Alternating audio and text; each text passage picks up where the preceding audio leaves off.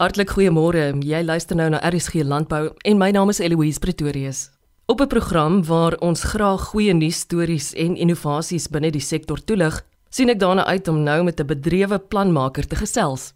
Moontlik het jy al voorheen sy stem gehoor gedurende 'n tydperk waar sy besigheid nog aan die ontkiem was. In 'n era van versnelde digitalisering vanweë 'n wêreldwye pandemie, het 'n jong man van die Noord-Kaap 'n geleentheid raak gesien in 'n tyd waar ons deelname aan die lewe vir 'n tyd lank opgeskort was en vir ewig 'n nuwe benadering tot gevolg gehad het. Louis de Kok word reeds gereken as een van die duidelikste stemme in die aanlyn verhandeling van varsprodukte. Saam met twee ander stigters wou hulle virtueel die waarde van ons boere wys en 'n bydrae maak wat toekomsgerig en winsgewend is.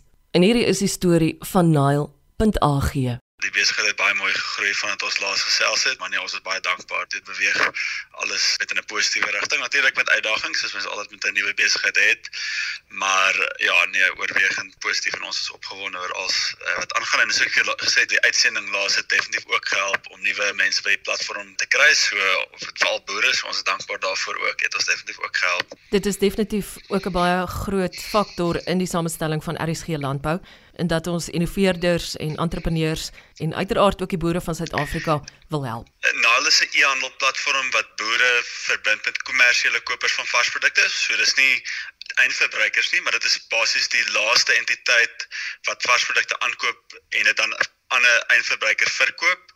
Ons verbind boere nie net met plaaslike kopers van varsprodukte nie, maar ook met kopers in die buiteland, so tans meerendeels in SADC of in die Suidelike Afrika Ontwikkelingsgemeenskap, meer en meer ook buite SADC. So byvoorbeeld het ons onlangs ook boere verbind met kopers in Senegal, in uh, die DRK en ook in Kongo en ons kyk heeltyd na nuwe markte waar ons boere na kan verbind. So hoe die platform werk is dat 'n boer die vermoë om op sy portaal te kan aandui wat hy beskikbaar het. So hy kan sê hoeveel pallette van 'n gegeewe varsproduk hy beskikbaar het. Hy kan ook sê wat die pryse is wat hy wil hê en daai pryse sal altyd geëerbiedig word op die platform.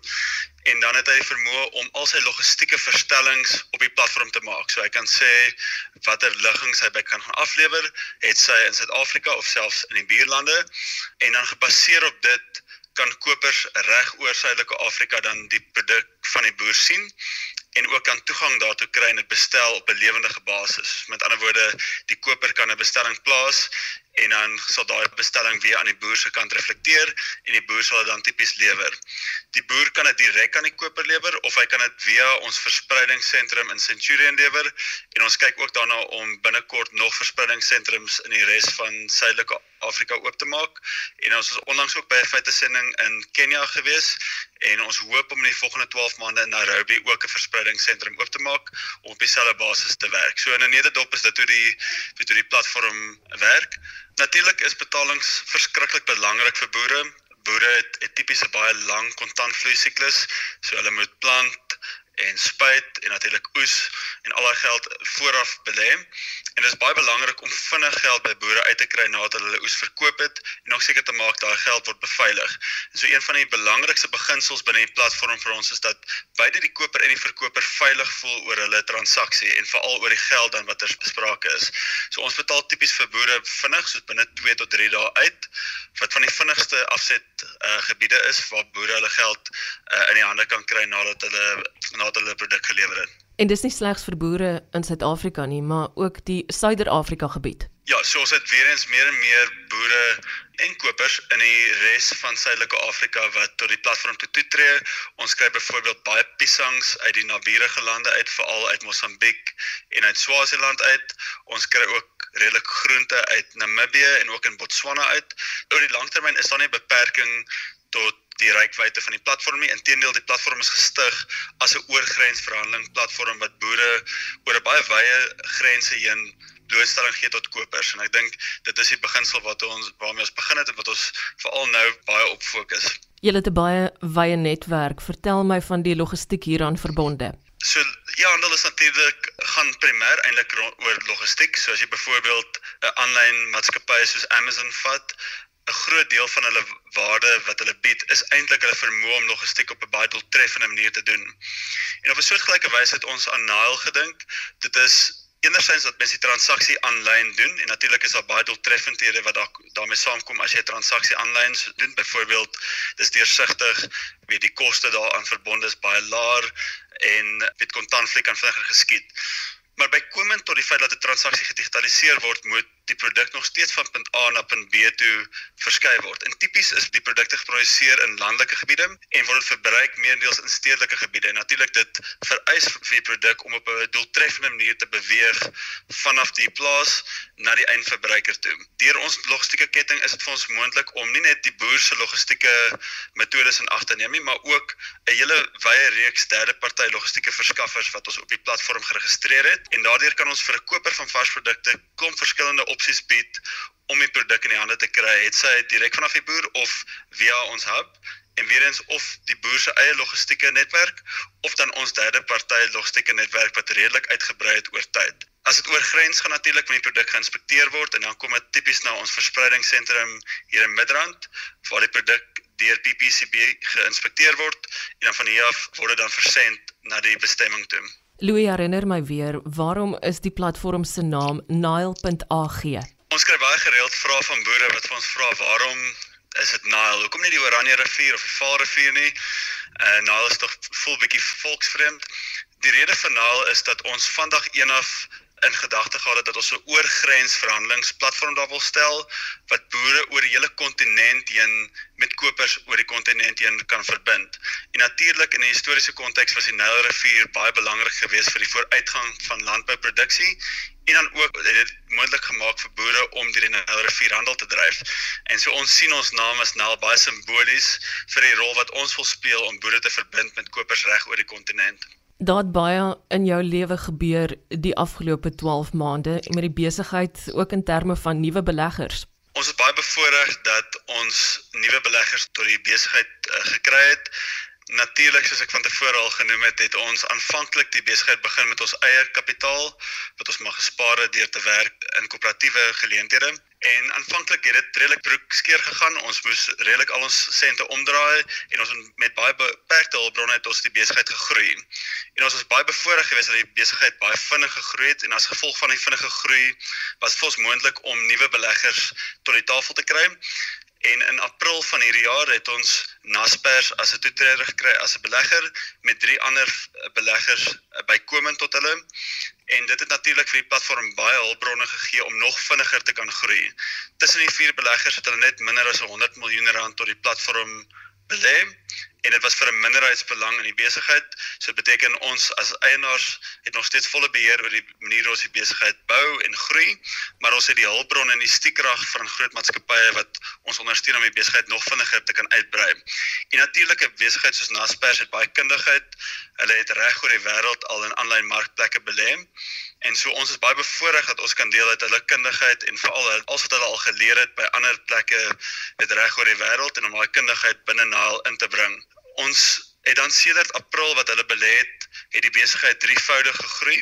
So ons is aansienlike groter besigheid as toe hulle aanvanklik belê het en weer eens is dit dank aan die hulpbronne wat hulle bygedra het en die die vermoë vir ons om aan die een kant die tegnologie uit te brei, maar ook aan die ander kant die mense in die span wat ons kliënte ondersteun. Julle was bewus daarvan aan die begin van hierdie besigheid dat julle vir 'n lang periode nie winsgewend sou wees nie. Die meeste startups, soos mens nou maar in die volksmond sou sê, is vir 'n geruime tyd nie winsgewend nie. Die, die rede daarvoor natuurlik is omdat baie kostes verg om in tegnologie te belê.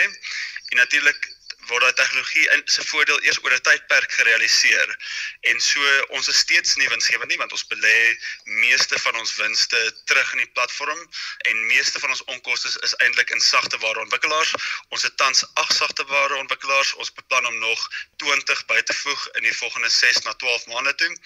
En ja, weer eens is die plan nie vir ons om winsgewend binnekort te wees nie. Ons wil soveel as moontlik van die waarde wat ons ontsluit teruggee aan ons gebruikers. Dit is aan die boere en, en tot 'n minder mate dan die kopers op die platform. En so vir die afsienbare toekoms het ons dit nie ter weet te beplanning om winsgewend te wees nie.